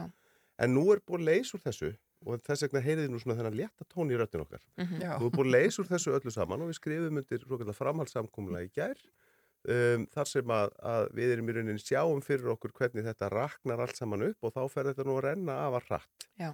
Það er auðvitað, það er auðvitað hress. Það er auðvitað, þetta er, þetta er skemmtilegt og þetta er verðtíð fyrir ykkur. Það gengur ímislegt á, ekki satt. Jú, jú, Jú, jú. jú. það gerir það. Ég meina það er sjálfstæðarflokkur að leggja fram þingmannamálum um, um netverslinu áfengi, fær stuðning á flestum flokkur stjórnarnarstöðunan en ekki stjórnarflokknum, þannig að það mál deyr. Ég meina þetta eru bara svona hluti, það er verið að Það hefur verið að vinna þetta þess og kruss út um allt, miðflokkurinn stoppa leigubílamálið, ég var nú, verð nú að vikina það, ég var nú verið ákveðin létti hjá sömu stjórnarflokkum við það, við það, það verður bara sérst eins og er.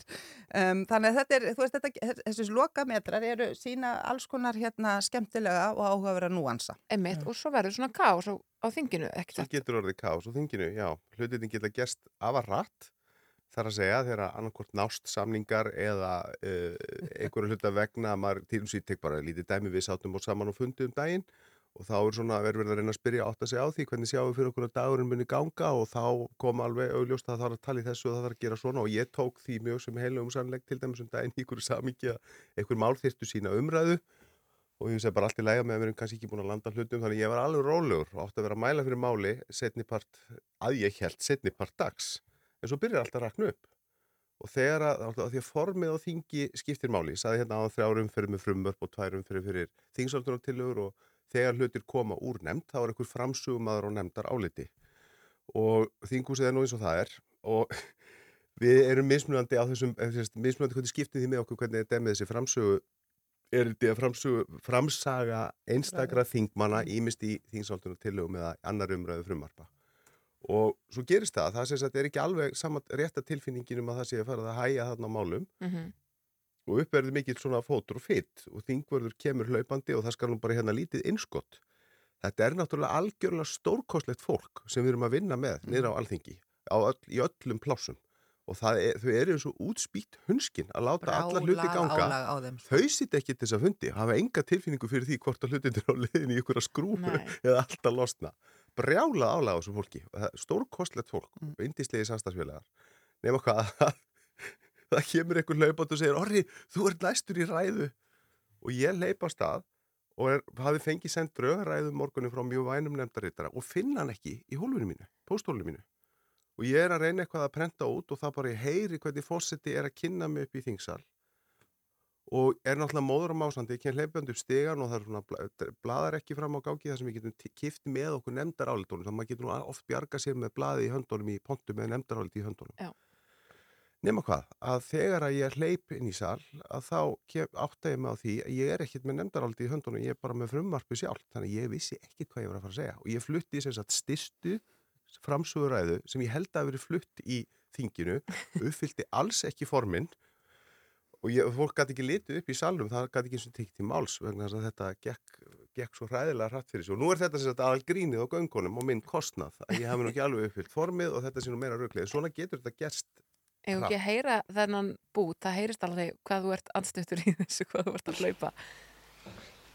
Virðulegi fórseti, ég mæli hér fyrir nefndaráliti í uh, máli um breytingu á lögum um loslagsmál nr. 70 frá 2012 er varðar einfalda leiðréttingu hluta. Nefndarálit vegna málsins líku frammi. Það er sára einfalt og skýrir sig sjálft og undir það rita allir meðlimir umhverfis og samgöngunandar. Ok, þú toppar þetta. Nefndarálit liggur fram í það skýrir sig sjálf Um einfalda leiðréttingu hluta. Lafmóður. Svo, þetta er stórkostlegt. En svo er kannski hérna, ég nefnilega var, ég var úti á, á þingmannarástöfna Ístrasalsríkjana og það sýnir svona kannski, mistur sér tóta á þingi og, og hérna skýrir svona nú kannski hvað er áhugin liggur á með að verum að, að, sko skrifa bókstala samþyktir Ístrasals hérna eh, þessari rástefnu sko sam, til þess að geta hend eh, rússum út Mhm. þá er ég sko með eira og, og þar ég heyri þetta þú veist, ég er að hlusta á aðteklinn alltaf á alþingi leiðinni sko. eh, en hérna en það er líka margt áhverð sem gerist í atkvæðgræslunni Mhm. og það er kannski sko, öllu, öllu svo sem verra ef illa fer þar það, það gerur nú ekki en þetta er brjálu vinna vegna þess að við þekkjum málinn sem tilhæra nefndunum sem við erum í Já. það er að segja þingmenn almennt e, þurfa svo að fá tíma frá öðrum þingmönnum í sínu flokki til að setja sér í önnur mál og fyrir atkvæðagreislur og þetta gerum við alltaf jafna á, á, á hefðbundnum þingflóksfundum yfir veturinn þegar eitt og eitt mál kemur til atkvæðagreislu en þegar koma svona bunkar þá verður svolítið uppi mikið óðagott og þetta er við þingflóksformen með bolt, augun á öllum boltum og vitum þetta og svona deilum upplýsingum og það verður að segja stöðu svo er, við vorum nú að hlæja því hérna við orðið frammi að, að þingmenn eru nú kannski mismunandi duglegir að, að lesa skilabóðu sín og maður fær svona, þegar maður er farin að fá sömu spurningunni í 2005. skipti á sama hálftíman þá, þá stýttist nú í st- stundum í fólki Þá hvín í, skulum við segja Lestu frá mér skeitið En svo eru náttúrulega, sko, atkvæðgjörslu skjölin eru heldur ekki alveg einföld. Nei. Þú veist, við erum kannski á sama hálftíman að greiða atkvæði um breytingar, fimm breytingar, tökum sér dæmi um, um uh, uh, lögum stjórn fiskveða. Mismunandi djúb, mikilvæg og stór, sko, en þetta er alltaf sama yfirskriftin, þannig að fólk veit ekki nákvæmlega um hvað máli snýst, þá er þetta mjög ruglandi og svo koma önnur alveg gríðarlega flókin og það er að breytinga tillögur og annað, þannig að þetta, það þarf að skrifa þetta mjög upp og það kemur til kasta starfsmanna þingflokkana þar sem að búa til skrift fyrir menn eiginlega, sko. Já, Og svo kannski hérna breyður eitthvað út af, það er einhver sem fyrir út af spórinu og þá fyrir svona keðjumyndur í ganginni þingi, það er ótrúlega fyndi og svo sopnar sem er og, og alls konar. Já, það er alltaf gangur á þessu. En uh, nú er þinga farið í frí og, og hvenar er takið til starfa aftur? Það er ekki fyrir nýja haust. Já, já, sko við, Hvernig það- virkar þetta? Hvað gera, þingmenn? Það verður þingstuppur í svona. Það er nú partur af þessu samkomulagi Já. öllu eins og alltjóð veit að þá býðum við eftir skýslu ríkisendurskoðunar uh, varðandi Sölun og Íslandsbanka Já. og, og svona ég er enn að gera ráð fyrir því að við ríkisendurskoðun skilar bara þegar hún skilar og það er engin þrýstingur á það. Ég er enn að gera ráð fyrir því að það komi núna í lók júni og hefði haldið að það erði kallað saman aftur í lók júni en svo getur vel verið að það verði setna í sumar, við bara býðum eftir því. Þannig að það er bara gert hlið núna Mhm. að klárum okkur í gegnum umræðu í dag um, og vonandi klárum við mikið atkvæðagreislu líka, það geti eitthvað leikið yfir á, yfir á morgundaginn Mhm. uh, en annars eh, væntu við þess að það verður kallað saman þegar að skýslan liggur fyrir. Og þá er það eina mál á dagsgrásalna í Íslandsbanka. Já, Það er það, já. er skýslan. Við gengum þannig frá í þinglöka um að það þurfti ekki meiri hluta nefndar að samþykja þing kæmi saman heldur bara nú að eitt geri hérna kröfu um það. Einmitt. Þannig það verður. Já, Það er bara raunin búið að ganga frá því að það verður. einmitt. Það er enginn að gera kröfu það sko. Og verður þá ákveð hvort að farið verði í sérstakar rannsókn nefnd alþingis eða er það eitthvað sem býður með haustur? Já, það við verðum að fá einhver, einhvert viðbrað og einhver svör og Mhm. það er annars vegar þetta og hins vegar uh, þá niðurstað fjármáleftilitsins sem að ég svo sem veit ekki hver einhver staða er á. Allt eru þetta bara sjálfstæðir aðila sem vinna sína rannsókn og koma með einhver svör en það eru þó einhver svör. En fá þingmenn alvöru sumafrí, fáið einhvern tíma frið eða er fólk að tala við ykkur uh, allt sumari líka? fólk er að tala við okkur alltaf og jafnvel sko og ekkert síður í júli sem er svona þessi hefbundi sömulegis mánuður þá eiginlega hvort maður er á erlendur grundu eða heima sko þar sem Íslendingar eru. Já. en það er náttúrulega bara ótrúlega skemmtilegt og gott að því um er að snýst á kannski um annað en þetta arga þrass sem maður er dagstæðilega í. Ég ætla til dæmis að fara að ringin hérna heima. Já. eina þeir sem var svo forsjólega ég búin að útöða með gistingu. Og ég laka til bara að- ég veit að ég veit að verður samtal við, við, við hérna, alls konar fólk um alls konar málefni. Já. en auðvitað er þetta mikið frí að fá, fá frí frá orra Þú fær nú ekki, jú fær reyndar frí frá mig. Við sitjum alveg bæði í Norrlandaráði saman og við erum að fara á, á í Norrlandaráði þú eru fundir og það er sem stundum gerist að þessir Íslandsdeildir, það er að segja fulltrúar íslen, íslenski þingmenn sem sitja í einhverju erlöndu þingsins. Við erum reyndar ekki sömu nefndin í Norrlandaráði þannig að við munum ekki hittast í lókjúni en ó, ég segja það sama. Við verðum á sama stað. En við verðum held ég á sama stað þannig að það er svo sem ekki eins og við séum bara eitthvað að fara heim og með tætnar upp í loft sko, Nei. það er, það er tölverðin eftir. Já, en þið látið að hljóma þess að sé gaman að vera á þingi. Já, já, það er það. þetta er áskorun og auðvitað bara er þetta, þetta skiptir okkur öll máli, þetta starf. Og við tökumst á og um það snýst nú pólitíkin, við erum alls ekki alltaf sammála og það er oft dreigið fram í atkvæðgaristónum. Einmitt. Þeir eru algjörlega selja hverju þetta Orri Pál Jóhansson, þingflokksformaður Vinstri Grætna og Hanna Katrin Fridriksson, þingflokksformaður Viðreistnar. Takk kærlega fyrir komuna í morgun útvarpið. Uh, við förum að skipta yfir á fréttastofuna. Já, við ætlum að fá stutt frétta yfirlit núna á slæginu hálfi eins og við erum vöna að gera og uh, svo komum við aftur inn og höldum áfram uh, í morgunútdarpinu alveg til klukkan nýju.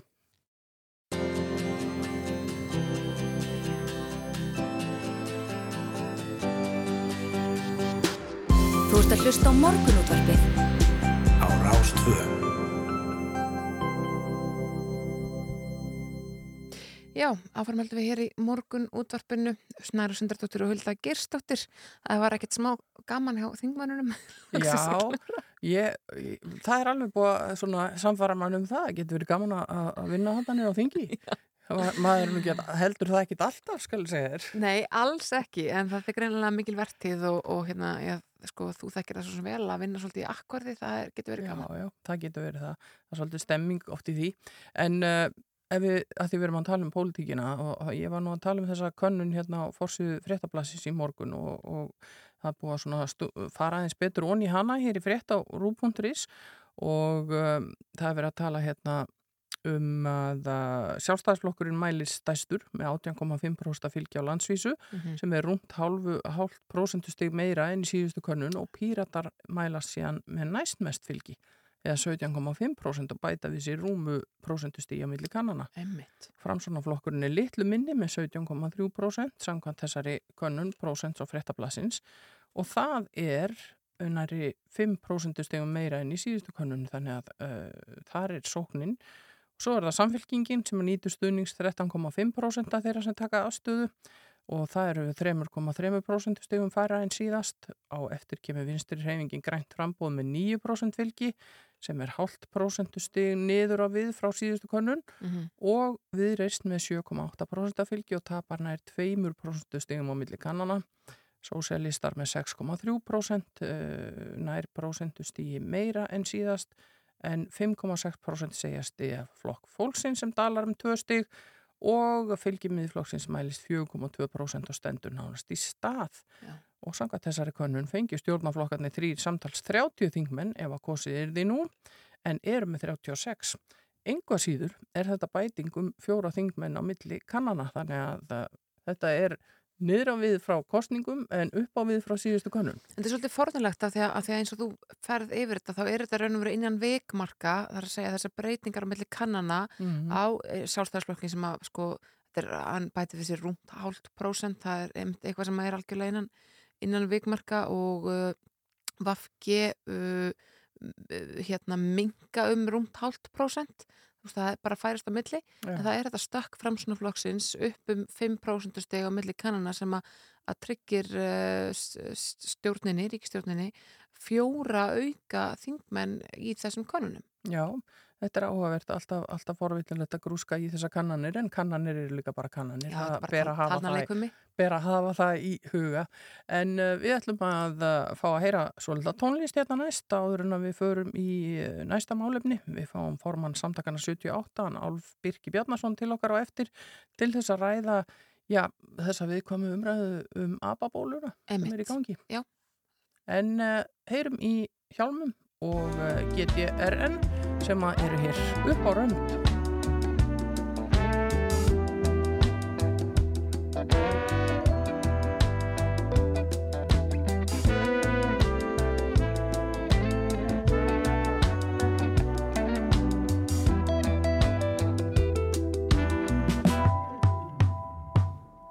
Það má himinn ver og haf breytt á milli þó alltaf.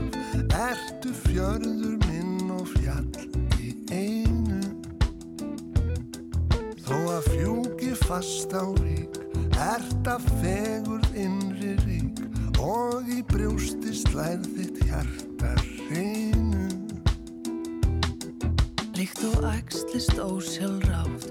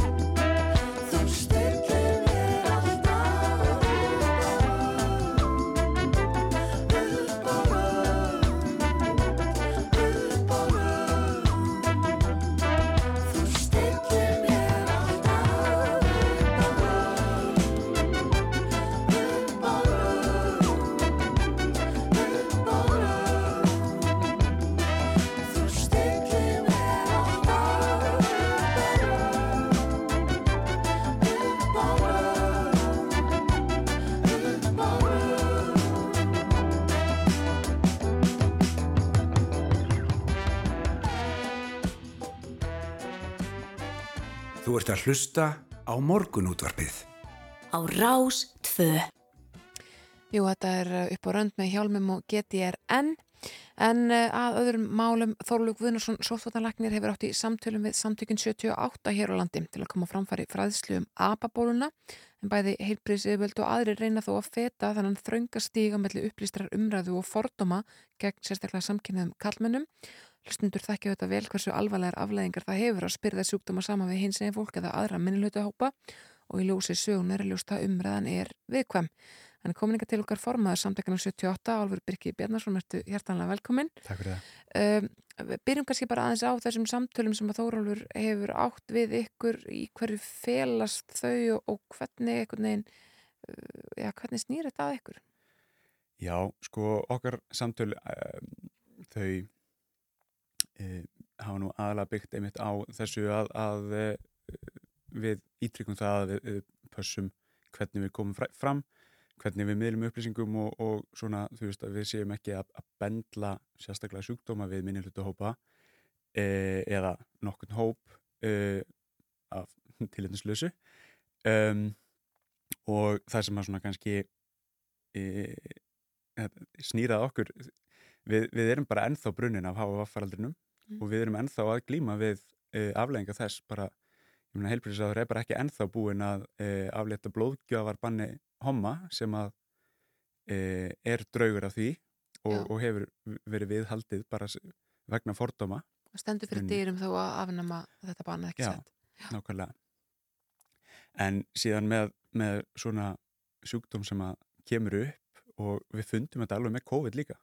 Mm. COVID er hérna, einhver kínverskur sjúkdómur og, og hann á Íslandi þá var hann á aðalega í einhverjum hérna, millistjættar garðbæingum sem voru á skýðum og síðan setna þá var þetta aðalega í einhverjum ungum krökkum sem voru alltaf á djamminu og, og það er rosa mikil smitskum sem Já. bara verður sjálfkrafa. Og eitthvað svona tilneying til þess að reyna að, að- að festa þetta við eitthvað ákveðna hópa. Akkurat og, og við, við reynum alltaf að flokka og við reynum að bendla eitthvað saman og við þurfum bara að passa okkur og við þurfum að, veist, við þurfum að hugsa það sjálf þegar við hugsaum þetta. Um, af því að eins og, eins og kom fram í COVID veist, þá var bara hending hvar þetta kemur niður og Mhm. hvaðan þetta dreifist og það er bara þannig. Uh, í þessu tilfelli þá hefur þetta vissulega verið sérstaklega erlendis mikið í körlum sem sofa hjá körlum. Um, og það sem er kannski svolítið erfitt með þann hóp er að þarna ertu með hóp sem stundar aðalega kynlíf með hópnum sjálfum og ef að sjúkdómurinn dreifist aðalega með kynlífi þá er hann náttúrulega ekki að laðinu langt út svona allan ekki mjög hratt. Um, og þannig að það er, það er ákveðin hending að þetta verður inn í þessum hóp uh, og hann er hún, þessir viðhaldi þar inni veg, vegna þess. Mhm. um, en síðan, síðan spyrjum við náttúrulega leikslokum vegna þess að ég þetta, þetta, þetta smitast öðruvísi líka og, hérna, og það er bara þú veist, við, við vitum að þetta á eftir að, þetta á eftir að fara víðar og það verður annar hópur sem að verður síðar og, og við bara hérna óskum eftir ákveðinu þóli með þið líka.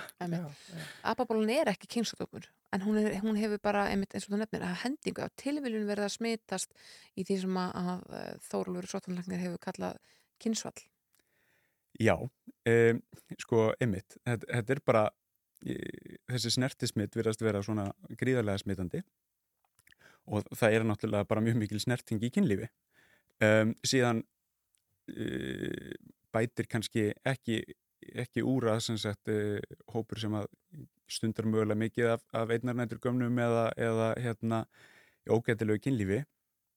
Ekki, nei, afsakið, ekki ógætilegu hérna, kynum. skyndikinnum og, og hérna, áhættusömu er, er það sem ég ætla að segja um, að það hérna þá er bara ákveðin svona opin, opin vegur Mhm. og það er bara einhver sem að hverja þarf að, þarf að hugsa um hjá sér en við vitum alveg að við erum ekki einu hópurinn sem gerir þetta Nei, nei, nei. Þannig að sjúkdómurinn sem slíkur tengist ekki hópnum heldur bara hefur blossað upp innan ákveðins hóps. Nákvæmlega. En getur auðvitað dreift sér hver sem er og, og, og hvernig sem er.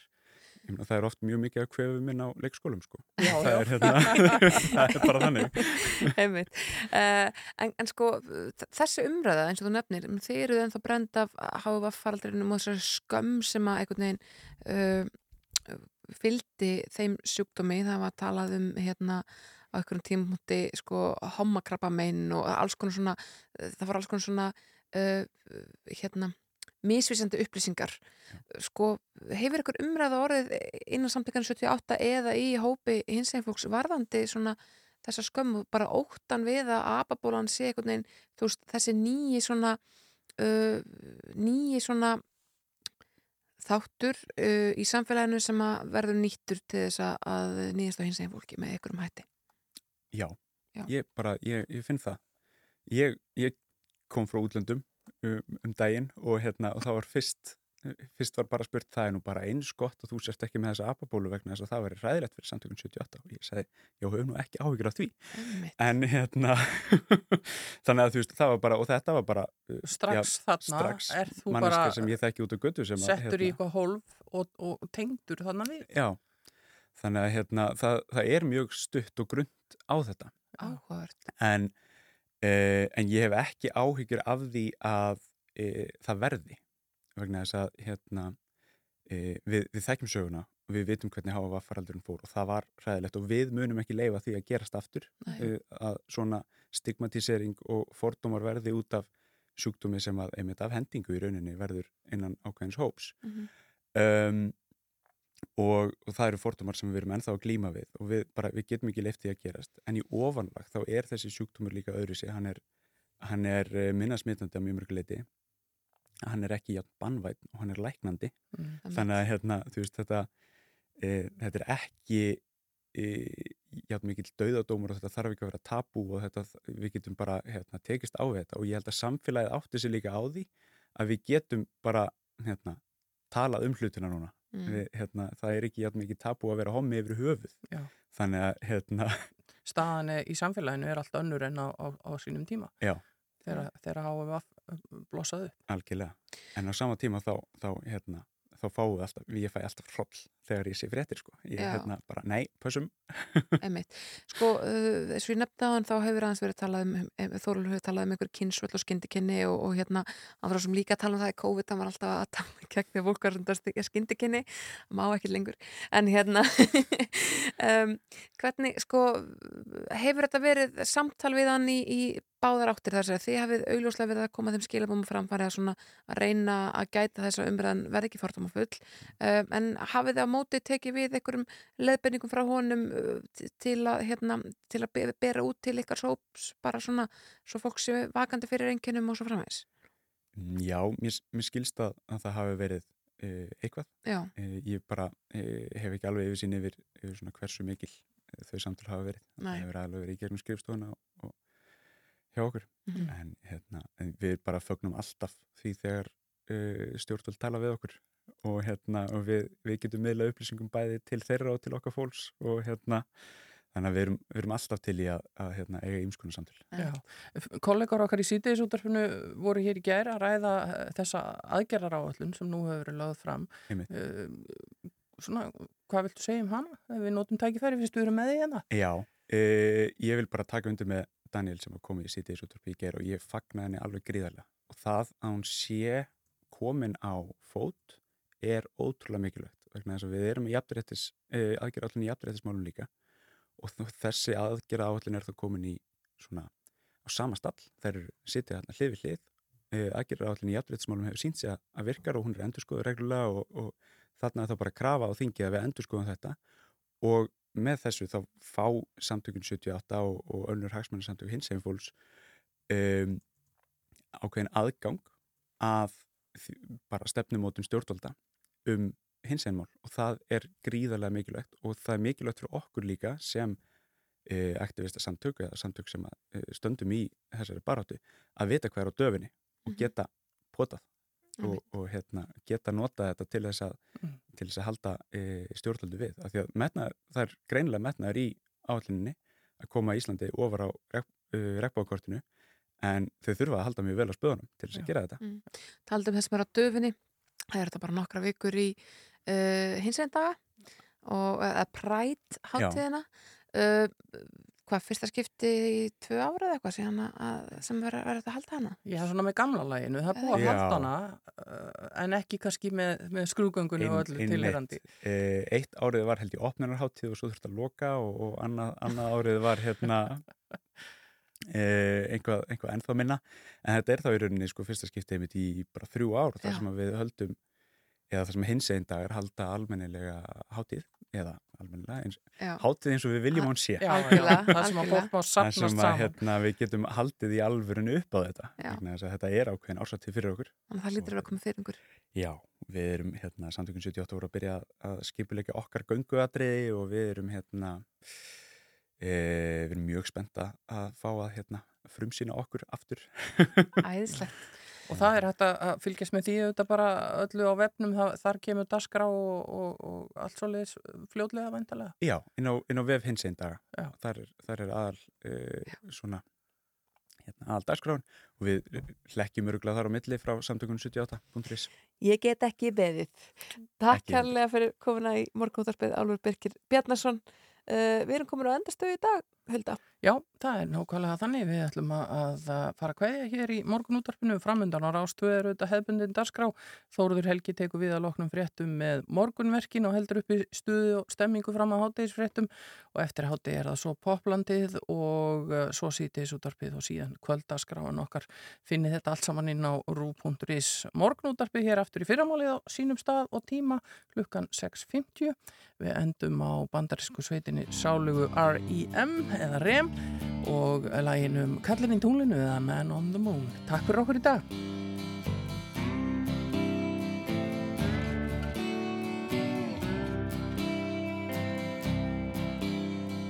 Martha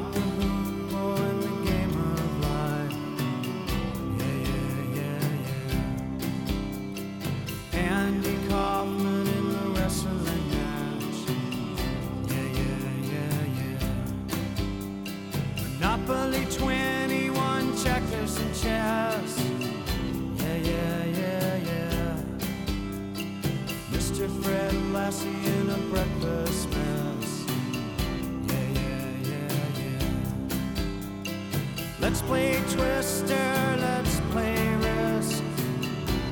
Yeah, yeah, yeah. I'll see you in heaven if you make. Yeah, yeah, yeah, yeah. Now, Andy, did you hear about this one?